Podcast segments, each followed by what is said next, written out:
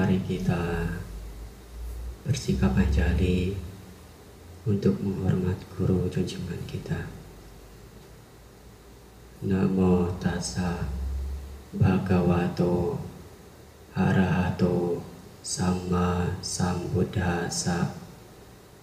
Namo tassa bhagavato arahato sama sambuddhasa.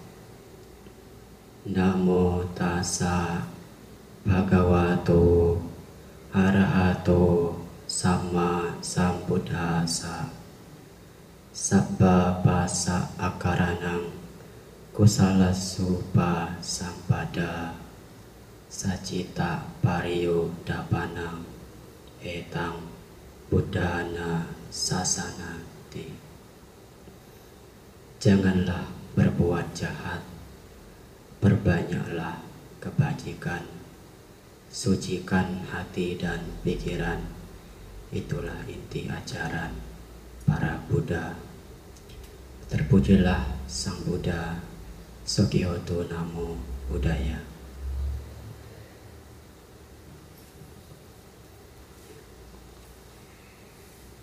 Ibu bapak dan saudara saudari sekalian syair Dhammapada yang saya ungkapkan tadi dikatakan inti dari ajaran para Buddha. Maka syair tersebut tidak hanya diungkapkan oleh Sang Buddha Gautama saja, tetapi juga para Buddha yang terdahulu juga mengungkapkan syair tersebut. Para Buddha mengungkapkan syair Dhamma ini ya sangatlah penting karena memberikan banyak sekali manfaat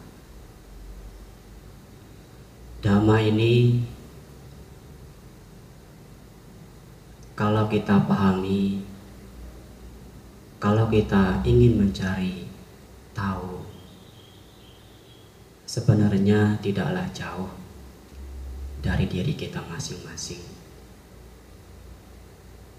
Dhamma tidak hanya ada di luar diri kita, tetapi juga berada pada diri kita masing-masing.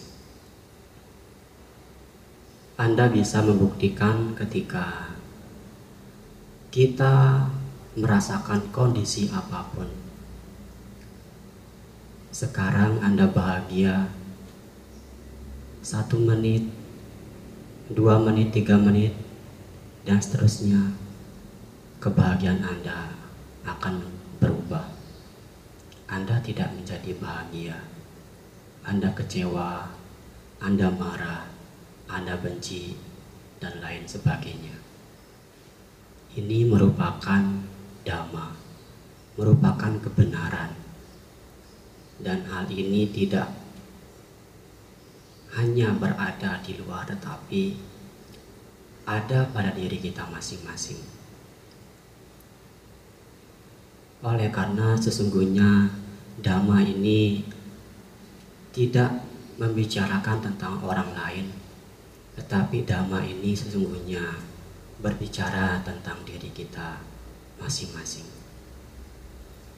Dhamma membicarakan tentang alam, dan alam ini salah satu yang termasuk di sana adalah kita manusia.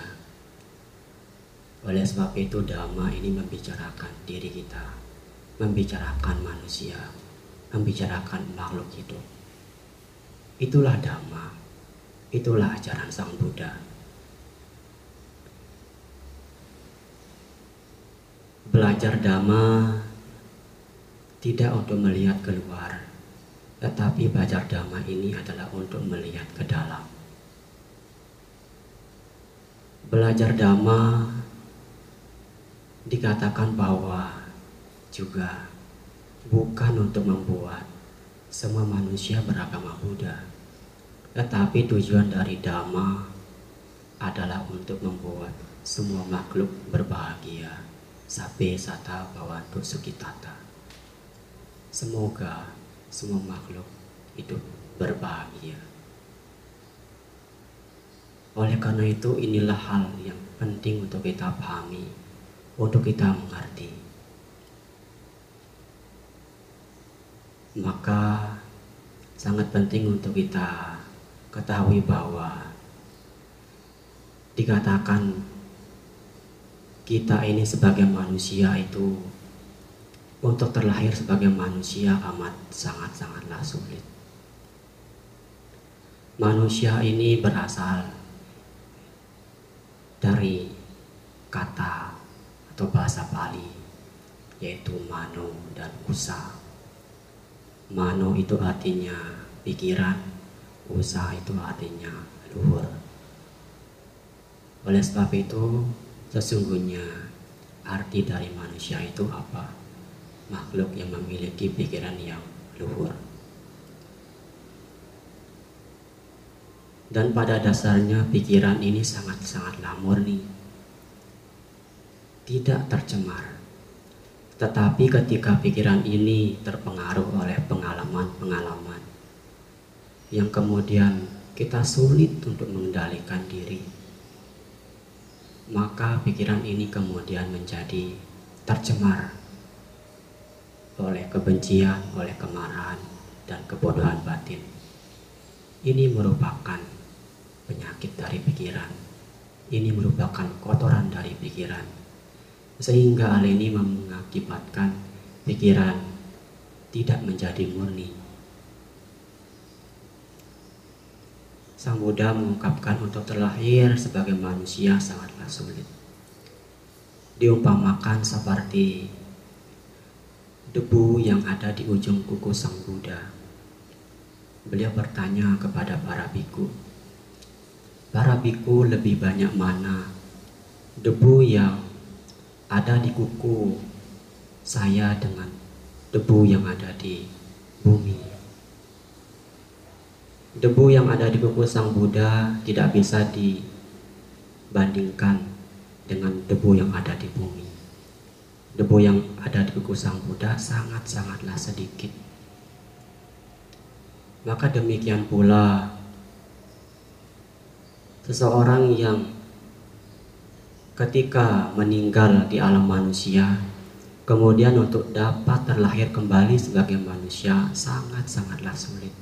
Seperti debu yang di ada di kuku sang Buddha. Ini adalah ungkapan yang diungkapkan oleh sang Buddha. Tetapi seseorang yang ketika meninggal dari alam manusia kemudian terlahir di alam-alam yang menderita itu sangat-sangatlah banyak. Lebih banyak. Seperti debu yang ada di bumi. Sehingga bisa kita bandingkan. Untuk terlahir sebagai manusia sangatlah sulit dan sangat-sangat sedikit. Tetapi makhluk yang terlahir di alam-alam yang menderita sangat-sangatlah banyak. Dan Tentunya kita beruntung saat ini dapat terlahir sebagai manusia.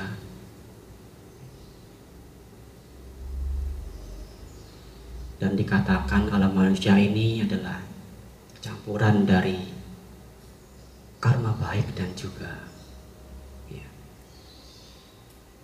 dikatakan alam manusia ini adalah ada hal yang baik dan ada hal yang tidak baik juga.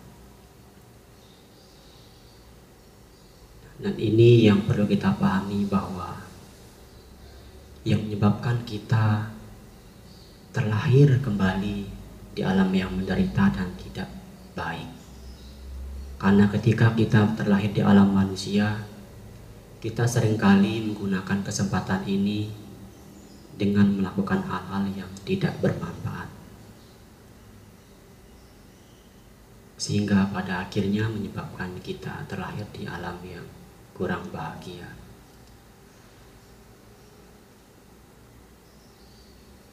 dan apa yang menyebabkan kita terlahir di alam yang tidak bahagia, terlahir terus-menerus. Itu adalah karena tanha, karena nafsu keinginan kita yang didasari oleh kemelekatan. Namun yang perlu kita pahami bahwa yang perlu kita ketahui keinginan ini ada tiga. Ada dikatakan sebagai keinginan yang didasari oleh keinginan yang didasari oleh hal-hal yang buruk oleh kotoran-kotoran batin. Seperti apa ada keinginan untuk melakukan tindakan kejahatan membunuh, mencuri, berbohong, berzina, mengkonsumsi obat-obatan, bermabuk-mabukan, dan tindakan jahat lainnya. Ini adalah keinginan yang didasari oleh kotoran batin. Kemudian ada keinginan-keinginan yang wajar, yaitu apa? Ada keinginan untuk makan, ada keinginan untuk istirahat, ada keinginan untuk bekerja, untuk mandi, berolahraga. Ini adalah keinginan-keinginan yang wajar. Akan tetapi, kita juga perlu waspada bahwa ketika keinginan wajar, keinginan yang wajar ini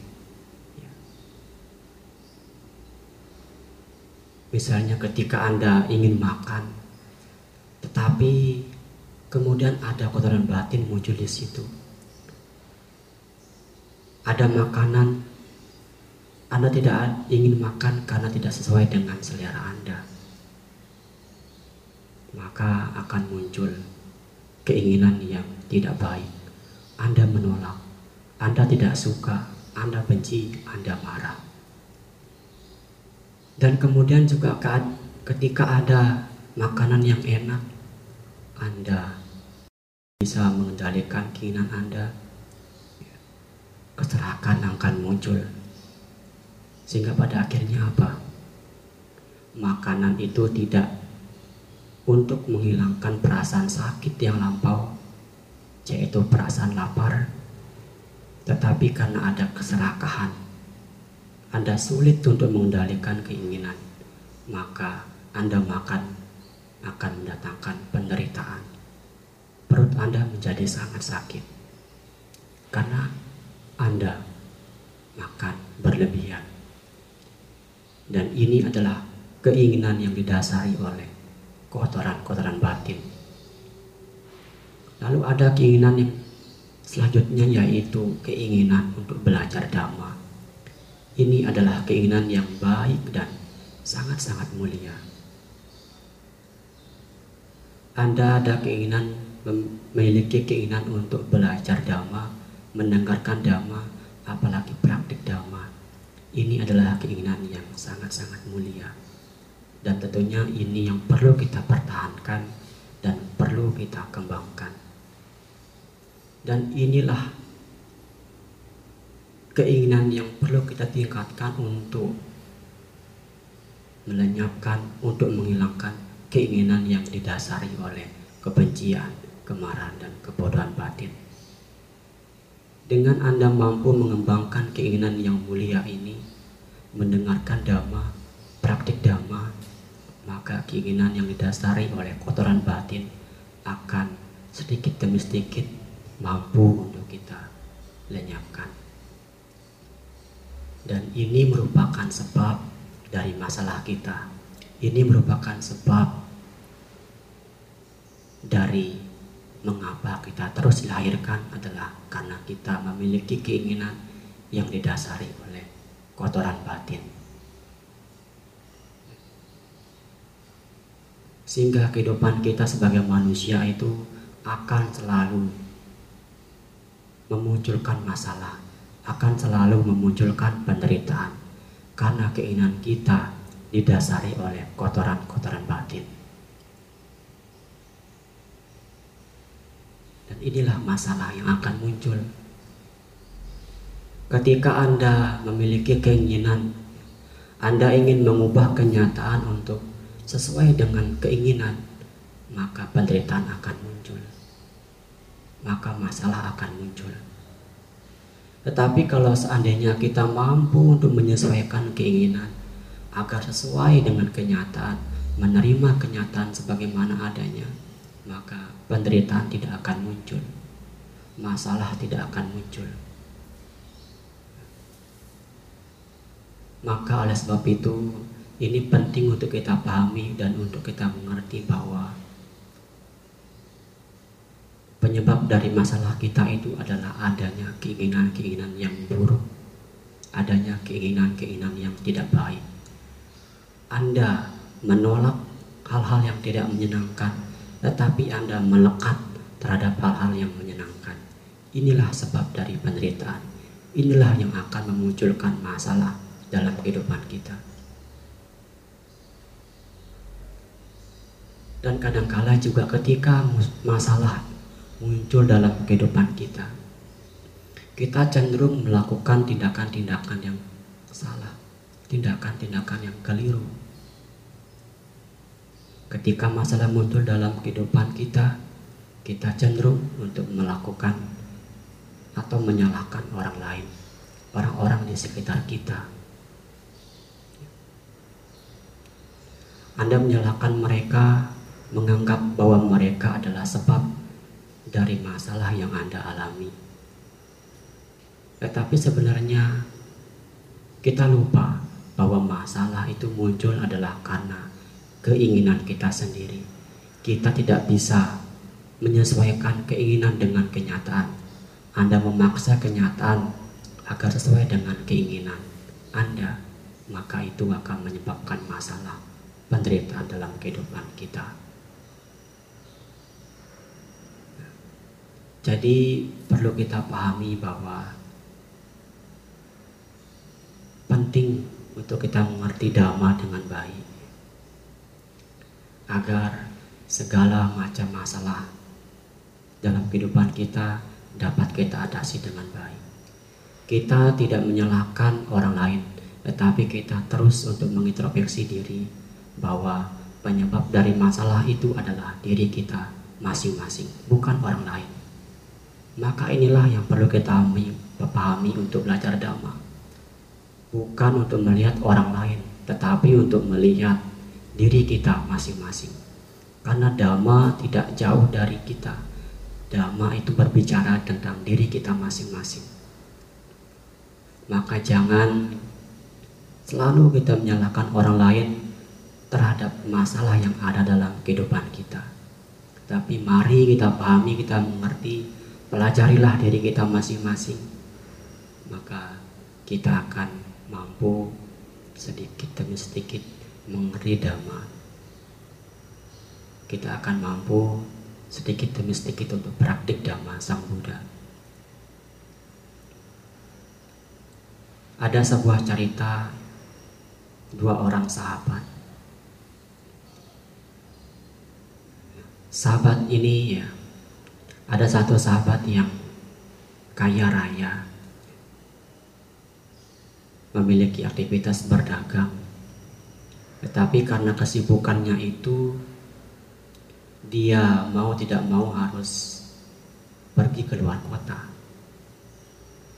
Namun pada akhirnya dia kemudian terpengaruh oleh pergaulan-pergaulan yang tidak baik.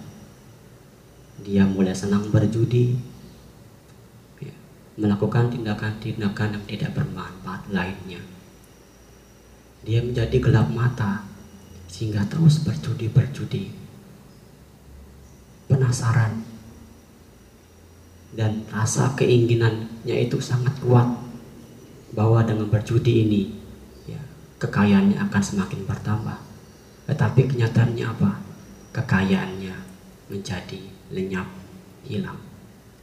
Dia menjadi jatuh miskin. Dan untuk menutupi kesalahannya ini, yang dilakukan oleh pedagang ini apa? Dia menyalahkan sahabatnya sendiri sebagai penyebab dari masalah yang ia alami. Oleh karena akibat dari hal itu, sang sahabat menjadi jatuh sakit. Dia dipitnah, dikucilkan dari pergaulan di masyarakat. Menjadi sakit berat. Ketika mengetahui hal ini,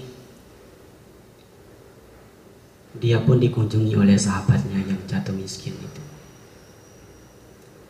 Dia sangat menyesali apa yang telah dilakukan dan sangat ingin untuk membalas atau memperbaiki apa yang telah ia lakukan itu. Kesalahan yang sudah diperbuat. Sahabat yang sakit ini kemudian meminta untuk melakukan beberapa hal. Meminta untuk membawa bantal naik ke atap rumah kemudian isi dari bantal atau kapas ini diminta untuk ditebarkan keluar. Kemudian sahabatnya juga meminta kapas-kapas yang sudah ditebarkan itu diminta untuk dikumpulkan kembali. Lalu ia berpikir hal itu tentunya tidak bisa dilakukan. Tidak akan mungkin. Lalu Sahabat yang sakit ini mengatakan, demikian pula kabar-kabar yang tidak baik yang kau sebarkan di masyarakat juga tidak bisa untuk diperbaiki kembali. Sehingga sahabat ini melakukan kesalahan, ya, memfitnah sahabatnya sebagai akibat dari masalah kemiskinan yang ia alami. Yang ia lakukan sendiri kemudian memfitnah sahabatnya. Oleh karena itu kita ini juga tentunya terjadi dalam kehidupan kita masing-masing. Ketika masalah muncul kita juga cenderung untuk menyalahkan orang lain sebagai penyebab dari masalah yang kita alami. Kita cenderung untuk melihat keluar menyalahkan orang lain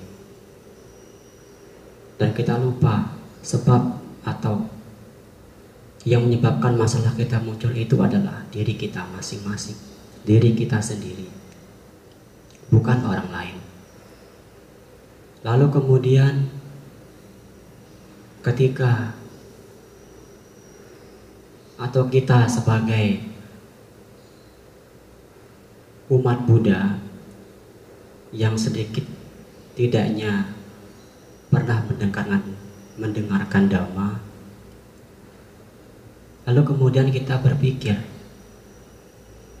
ketika masalah itu muncul kenapa? Saya tidak meminta pertolongan kepada sang Buddha. Ini adalah hal yang keliru hal yang salah. Oleh karena apa? Sang Buddha mengatakan bahwa beliau itu hanyalah seorang dokter. Beliau hanyalah mengajarkan dhamma yang mengarahkan kita agar bagaimana untuk terhindar dari masalah, kesusahan yang kita alami. Dan dhamma ini adalah obat dari seorang dokter yaitu siapa? Sang Buddha. Seperti di awal saya mengatakan, Sabba papasa akaranam, kusala supa sapada, sacita pario dapana, etam budana sasana. Kita jangan berbuat jahat, tetapi perbanyaklah kebajikan. Mensucikan hati dan pikiran, itulah inti dari ajaran para Buddha. Dan ini adalah obat, ini adalah dhamma yang bisa kita gunakan untuk terhindar dari masalah, untuk menyelesaikan kehidupan kita, untuk menyelesaikan masalah-masalah kita.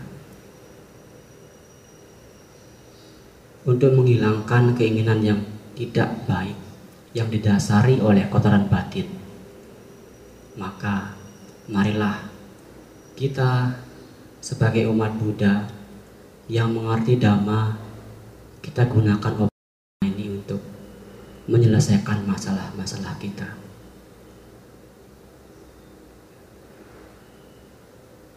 Maka di syair yang pertama Sang Buddha mengatakan janganlah berbuat jahat.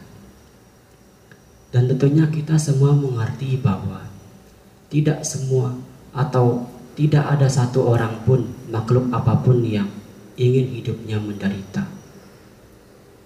Oleh karena semua makhluk ingin hidupnya bahagia.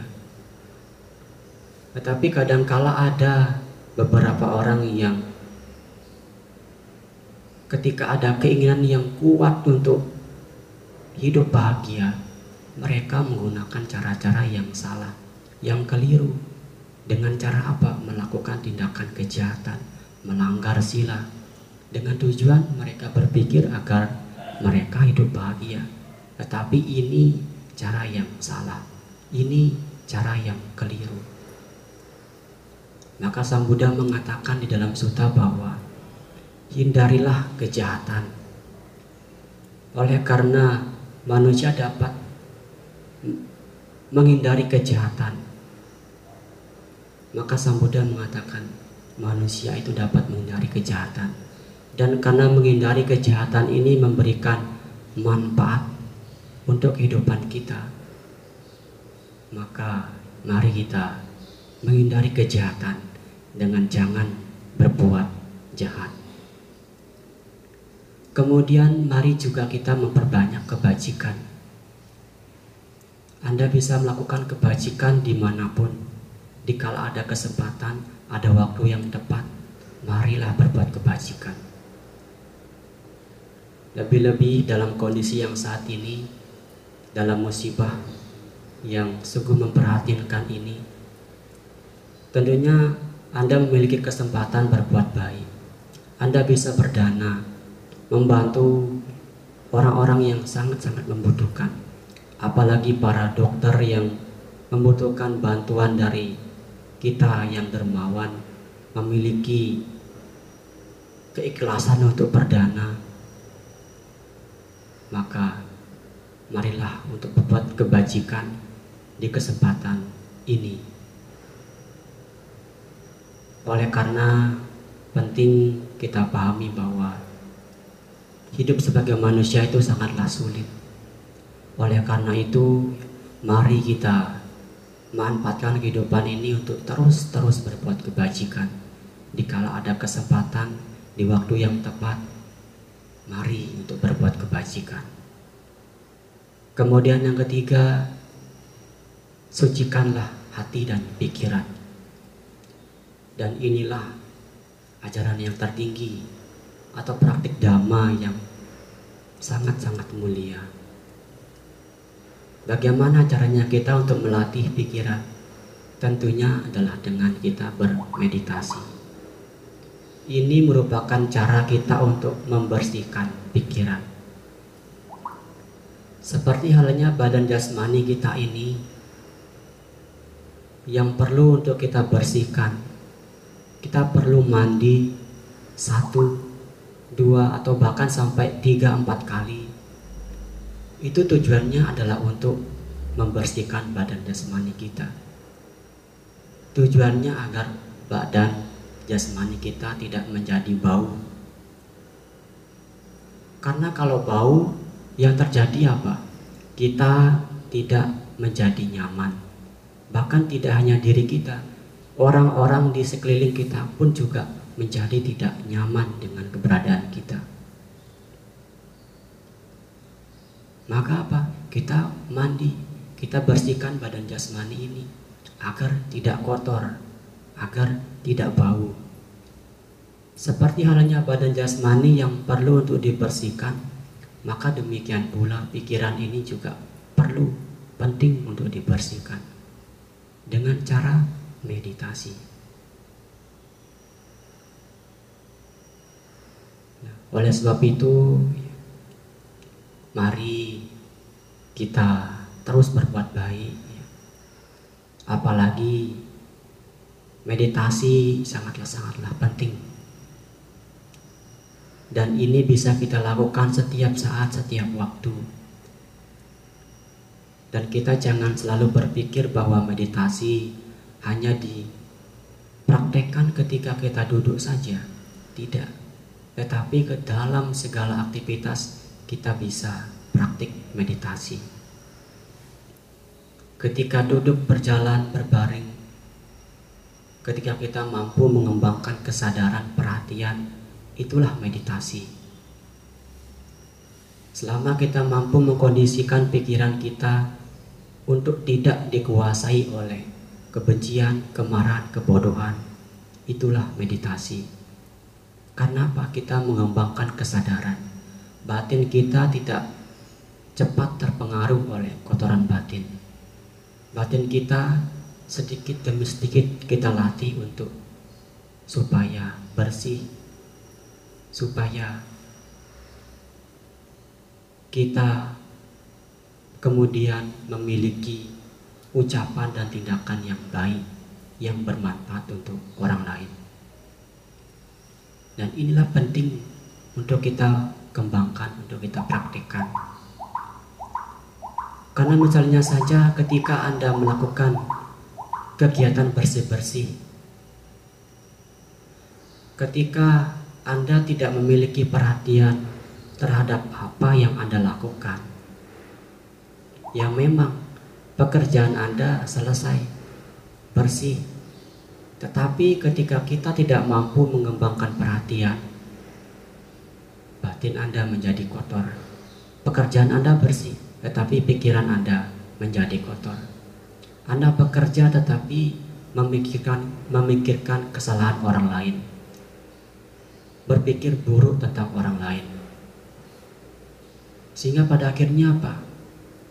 Batin Anda kotor walaupun pekerjaan Anda bersih. Maka pentinglah untuk kita pahami bahwa meditasi bisa dilakukan setiap saat, setiap waktu. Selama kita mampu mengembangkan kesadaran, kewaspadaan, dan perhatian. Maka saya mengulang kembali bahwa dhamma itu tidak membicarakan tentang orang lain, tetapi berbicara tentang diri kita sendiri. Dhamma tidak hanya berada di luar, tetapi berada di dalam diri kita masing-masing. Inilah yang perlu kita pahami dan kita mengerti. Oleh sebab itu, ya, marilah kita terus untuk praktik dhamma karena ini adalah hal yang sangat bermanfaat untuk kita agar dapat terhindar dari masalah. Sehingga ketika masalah tidak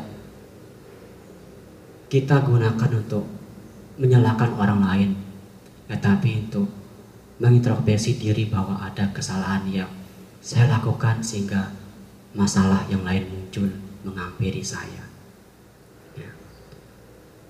Semoga pesan dhamma singkat ini dapat kita praktekkan. Walaupun singkat tetapi bisa kita praktikkan maka akan memberi manfaat yang besar. Karena sesungguhnya kebaikan itu juga dapat kita pelajari, kita dengarkan dari siapa pun. Bahkan anak kecil sekalipun bisa kita peroleh sesuatu yang bermanfaat. Tetapi walaupun kita tahu dhamma ini bermanfaat. Tapi tidak kita praktekkan maka tidak akan memberikan dampak yang baik untuk diri kita. Karena seperti diumpamakan seperti sendok yang berada di dalam sayuran. Sendok itu tidak pernah merasakan bagaimana rasa dari sayuran. Entah asin manis tidak pernah merasakan.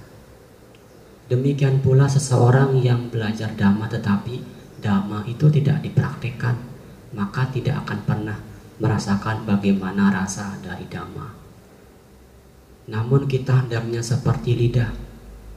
Lidah ini akan dapat merasakan bagaimana rasa dari sayuran, entah itu manis, asin, dan lain sebagainya. Maka demikian pula kita yang praktik dhamma ajaran Sang Buddha, maka kita akan dapat merasakan bagaimana rasa dari dhamma. Ya, cukup sekian yang dapat saya sampaikan. Semoga hal, hal ini memberikan manfaat untuk kehidupan kita. Semoga semua makhluk hidup berbahagia.